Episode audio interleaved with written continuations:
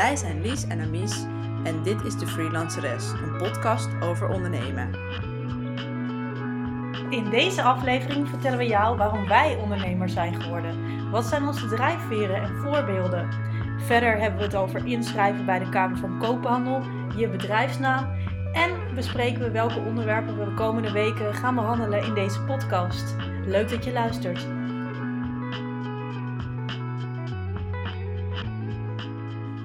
Amies, eh, wat eigenlijk wel leuk is, is dat we elkaar hebben ontmoet door werk. Ehm, want ik ging jou destijds interviewen over een project wat jij doet, dat heet Meer Lieve Brieven. Ja, ik was dat helemaal vergeten. Dat is wel echt heel grappig. Want eh, kun jij vertellen wat dat inhoudt eigenlijk, Meer Lieve Brieven? Ja, nou, Meer Lieve Brieven is een van de vele dingen die ik doe. Ehm, en dat is een eh, project waarbij we... Ehm, ja, lieve brieven achterlaten in uh, het openbaar voer of in cafeetjes. Die zijn dus anoniem.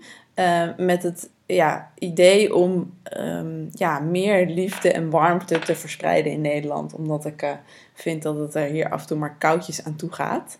En uh, nou, dat begon ehm, met mij, nou ja, dat ik er af en toe wat briefjes achterliet. En op Facebook een pagina geopend. En inmiddels zijn we vier jaar verder en 1100 likes verder. En uh, hebben we een hele schare aan uh, lieve brievenschrijvers uh, door het hele land. Ja, heel leuk project. En ik ging jou daar destijds voor interviewen toen ik eigenlijk net voor mezelf was begonnen als ZZP'er. En um, ik vond het meteen een heel inspirerend project. En ik ben toen ook meteen eigenlijk uh, mee gaan schrijven. Ja, dat vond ik wel heel grappig. Want we hadden elkaar toen gesproken voor het interview. En we hadden denk ik allebei wel zoiets van... Uh, ja, wij moeten vriendinnen worden en, uh, en iets samen gaan doen. Dus jij bent toen ook meteen bij Meer Lieve Brieven betrokken geraakt. En, en sindsdien hebben we best wel veel ook... Nou ja, gewoon als vriendinnen samen gedaan, maar ook wel samen gewerkt. Ja, Zeker. En vandaar ook deze podcast die we samen maken. Yes. En um, ja, dat ga, dat, we willen het dus hebben over ondernemen vanuit onze eigen ervaring. Dus, uh, Want hoe lang ben jij eigenlijk ondernemer um, nu? Ehm, ja, ik denk nu anderhalf jaar ongeveer. Oh ja, ja. dus net iets en, langer dan ik. Ja. Want ik ben nu een jaar, uh, ja, sinds 1 januari 2016. Ja, en, um, dus we gaan onze beginnerskennis met, uh, met jullie uh, lieve luisteraars uh, delen. Ja, en daarom is het natuurlijk goed om even te vertellen wat wij eigenlijk zelf doen. Um, ja, wat doe jij? wat doe wat jij doe zelf, ik allemaal? Um, nou, ik heb tien jaar in de journalistiek gewerkt voordat ik voor mezelf begon. Ik was verslaggever bij de Volkskrant en bij Metro en bij het Parool. En um, verder had ik ook, heb ik ook uh, destijds een boek geschreven. En dat heet De Vlucht van een Paradijsvogel. Ding, boekentip, boekentip. ik vind het echt een super goed boek. Dus um, ik vind dat iedereen het moet lezen. En uh, ja, ik heb zelf Indonesisch gestudeerd. Daar gaan we het nu niet heel lang over hebben. Maar dat boek gaat over... Um, ja, waar gaat het eigenlijk over? Het gaat over Papua. Dat, uh, maar jij kan ja. het natuurlijk veel mooier omschrijven. Ja, heel in het kort gaat het dan over een vliegramp in 1957 met een toestel van KLM. En het gaat over een vrouw die uh, destijds in zee is gestort als klein meisje in, met dat vliegtuig.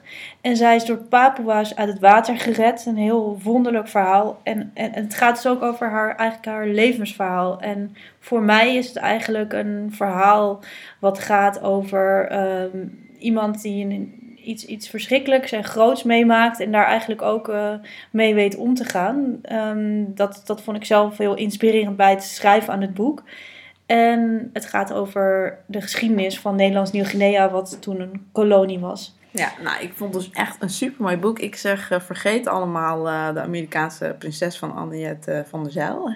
Nou, dat weet ik niet. Dat vind ik een van de geweldigste boeken van vorig jaar. Maar bedankt voor het compliment, Tommy. Maar jij doet dus van alles met tekst, begrijp ik. Ja, en nu ben ik ondernemer en schrijf ik als copywriter voor veel organisaties in de duurzame sector en in de ontwikkelingssamenwerking. Op dit moment werk ik bijvoorbeeld voor Stichting Vluchteling, waar ik voor de website schrijf en het uh, jaarverslag maak. En uh, ik werk ook voor bijvoorbeeld ASN Bank en HIVOS en uh, Natuur en Milieu.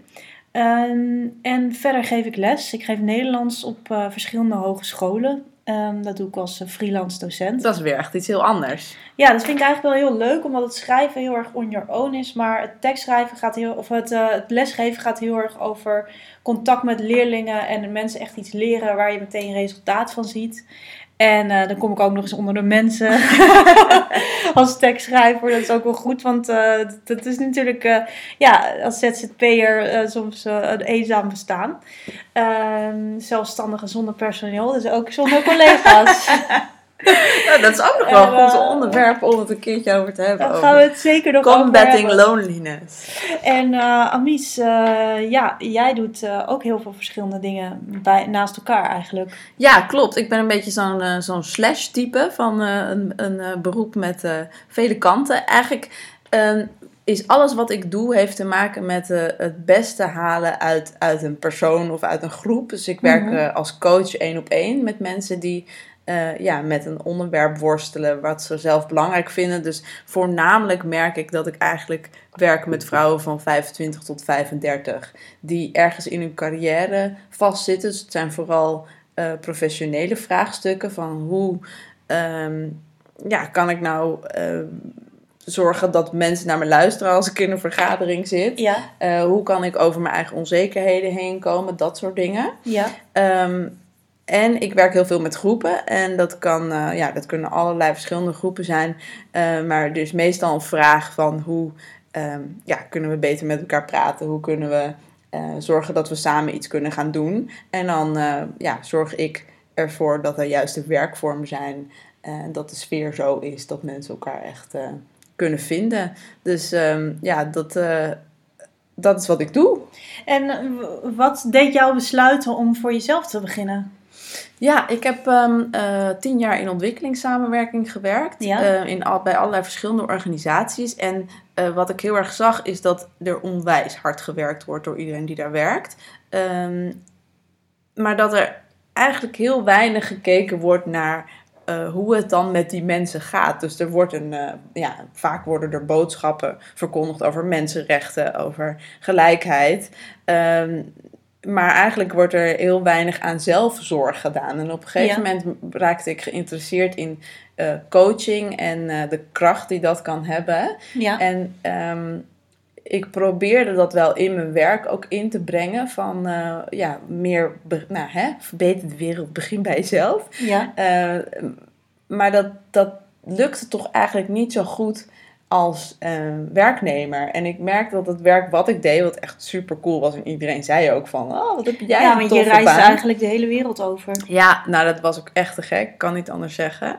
Um, maar ik merkte dat ik niet echt eigenaar was van dat werk. Het was toch iets wat van de werkgever uh, moest. Terwijl dat, was, dat is helemaal niet waar natuurlijk. Ik mocht zelf een heel groot gedeelte uh, bedenken wat ik ging doen. Maar het voelde van, ik doe dit voor een werkgever. En minder vanuit mijn eigen passie om, uh, om iets te, ja, te bereiken in de wereld. En um, ik had ook zoiets van, ik wil voor mezelf beginnen zodat ik luid en duidelijk kan zeggen dat ik vind dat een betere wereld bij jezelf begint. En, ja. en ik wil daar dus ook uh, me volledig voor inzetten en uh, niet andere dingen hoeven doen. Ja. Dus um, ja, zo is het eigenlijk gekomen. Ik heb er toen al heel lang over nagedacht. Ik herinner me echt nog één moment uh, dat ik heel erg twijfelde van zal ik het nu doen. En Mhm. uiteindelijk is het precies een jaar later uh, zover gekomen dat ik heb gezegd ik ga de stap uh, nemen.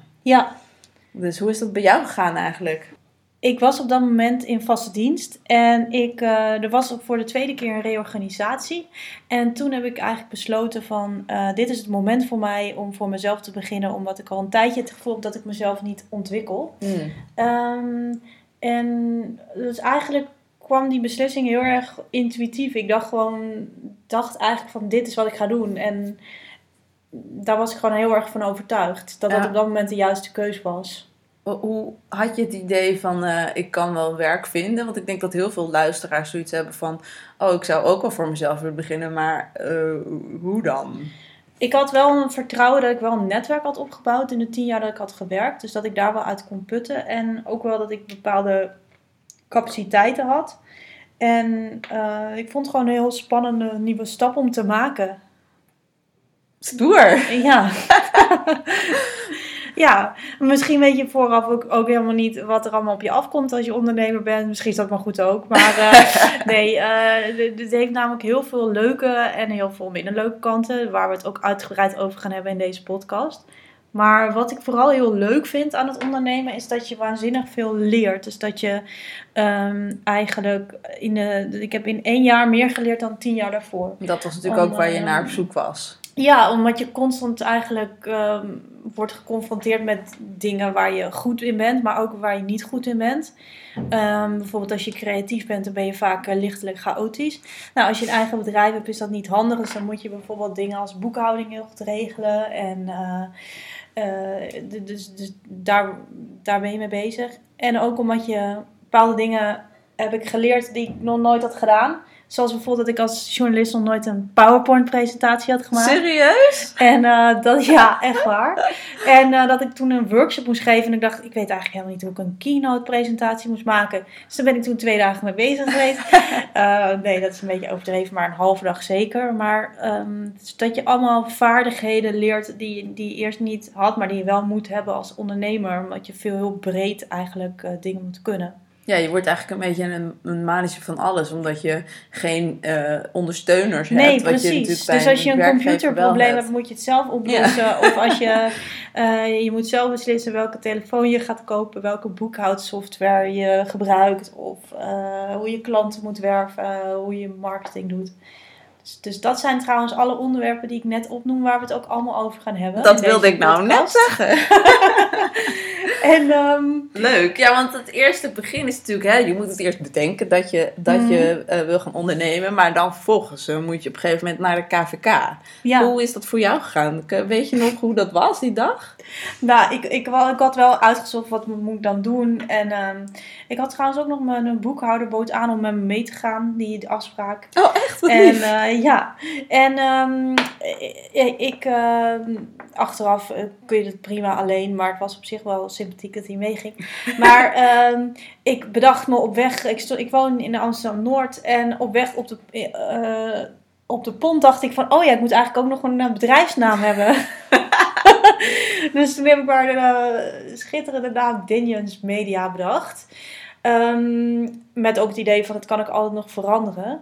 En ik denk ook dat je als bedrijf of als ZZP'er continu in ontwikkeling bent. Dus misschien weet je pas over vijf jaar waar jij helemaal precies voor staat en hoe je moet gaan heten. Dus ik denk dat het ook niet zo slecht is. En um, had jij eigenlijk een naam in gedachten? Nou ja, ik ben dus uh, vijf jaar geleden ooit eens, uh, als, uh, ben ik me gaan inschrijven als freelancer omdat ik wat klussen kon gaan doen. En toen heb ik mm -hmm. mezelf NGO Toolkit genoemd. Ja. Um, vanuit het idee dat ik dus ja, stichtingen zou gaan helpen met hun werk. En dat doe ik nog steeds. Um, alleen doe ik dat dan nu als Amies Boers. Maar ik heb mezelf vorig jaar omgedoopt. Ja. En ik heb toen wel zitten denken van... moet ik niet een wat aantrekkelijkere naam ja. uh, bedenken? Um, iets die, waar, waardoor het ook niet lijkt alsof ik in mijn eentje ben. Ja. Heb jij ook, heb jij dat, ja, heb jij zo'n Ja, da, daar ben ik wel gehad? mee eens. Uh, ik denk wel dat als je, als je echt zo'n soort naam hebt, dat dat inderdaad snel zo kan lijken. Alleen, ik vond het zelf zonde van mijn tijd om een half jaar te gaan besteden aan het uh, bedenken van de ideale naam, marketing. En voordat ik kon beginnen, dat kon ik me trouwens ook niet veroorloven. Want het is niet zo dat ik uh, twee jaar vrij kon nemen om, om het allemaal uit te denken. Maar dus ik had gewoon zo'n gevoel van, ik moet gewoon beginnen. En um, ja, die, je eigen naam leek me niet een halszaak. Um, dus dat eigenlijk. Ja. Dus dat, dat, dat is ook meteen onze tip van de week tip van de week. dat, uh, dat je dus gewoon maar ondernemen gaat ook gewoon over doen en gewoon maar beginnen. En uh, dus denk niet te lang na over sommige details. Ja, echt trial and error van uh, ga gewoon naar de KVK. Je komt vanzelf allemaal achter als je daar bent. Je hebt ook informatieavonden waar ze allemaal gaan vertellen waar je rekening mee moet houden. Ik had toen ik er bij die informatieavond was, snapte ik helemaal niet wat ze nou bedoelden met omzetbelasting. Ja. Um, ik dacht echt, ja. geen idee. En toen later kwam ik erachter dat dat hetzelfde is als de BTW.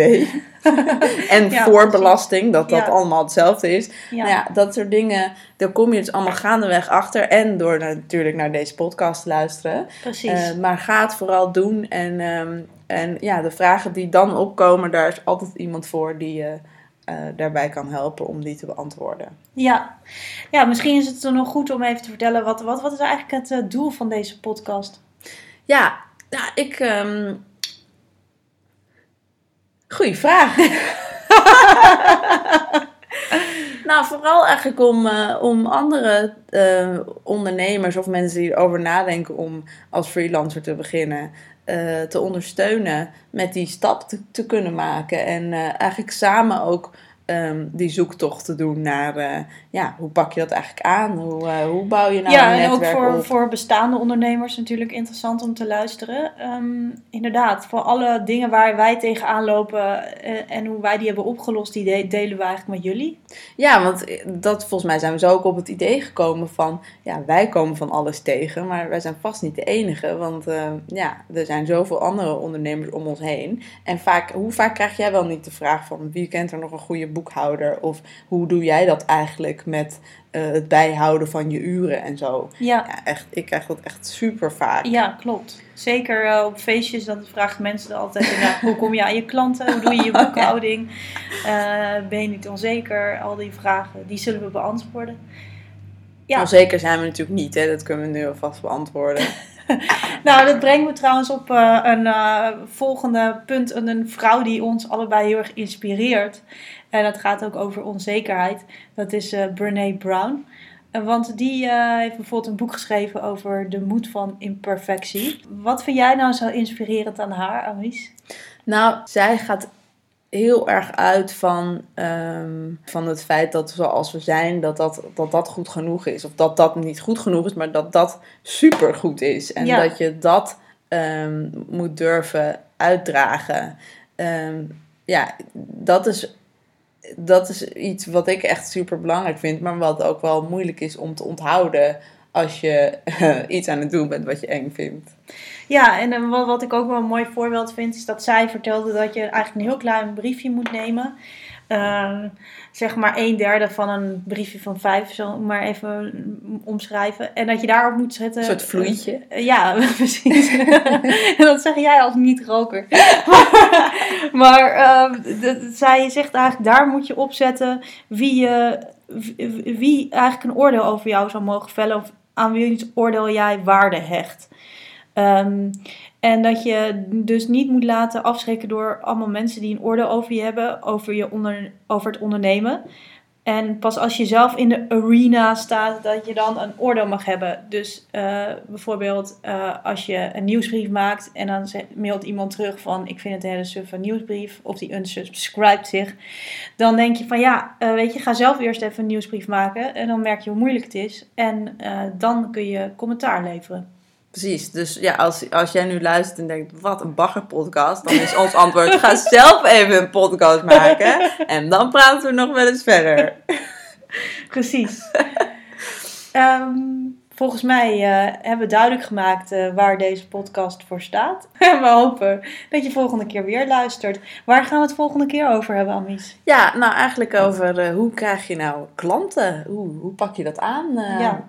Nou ja, eh, je kan, we kunnen allemaal wel een beetje brainstormen over hoe je dat zou kunnen doen. Nou, je netwerk gebruiken of eh, sociale media. Maar hoe doe je dat dan? En eh nou, wij gaan gewoon onze ervaringen delen. En, en als jij nu luistert en denkt van ehm, ik heb specifiek daarover een vraag. Of misschien over alle andere dingen waar we het over zouden kunnen Mhm. hebben. wat met de ondernemen te maken heeft. ehm, laat het ons weten. En dan kunnen wij in de komende podcast daarop ingaan. Ja, en eh, je kunt ons terugvinden via onze website marliesdinjens.nl en amiesboersma.nl. En verder ben ik ook te vinden op Twitter, @liesdinjens. En jij? Eh, ik eh, ook op uh, Amies Boersma. Iets minder actief. Dus je kan beter even naar Facebook gaan en dan mijn zakelijke Mies Boersma coaching pagina aanklikken. En bedankt voor het luisteren.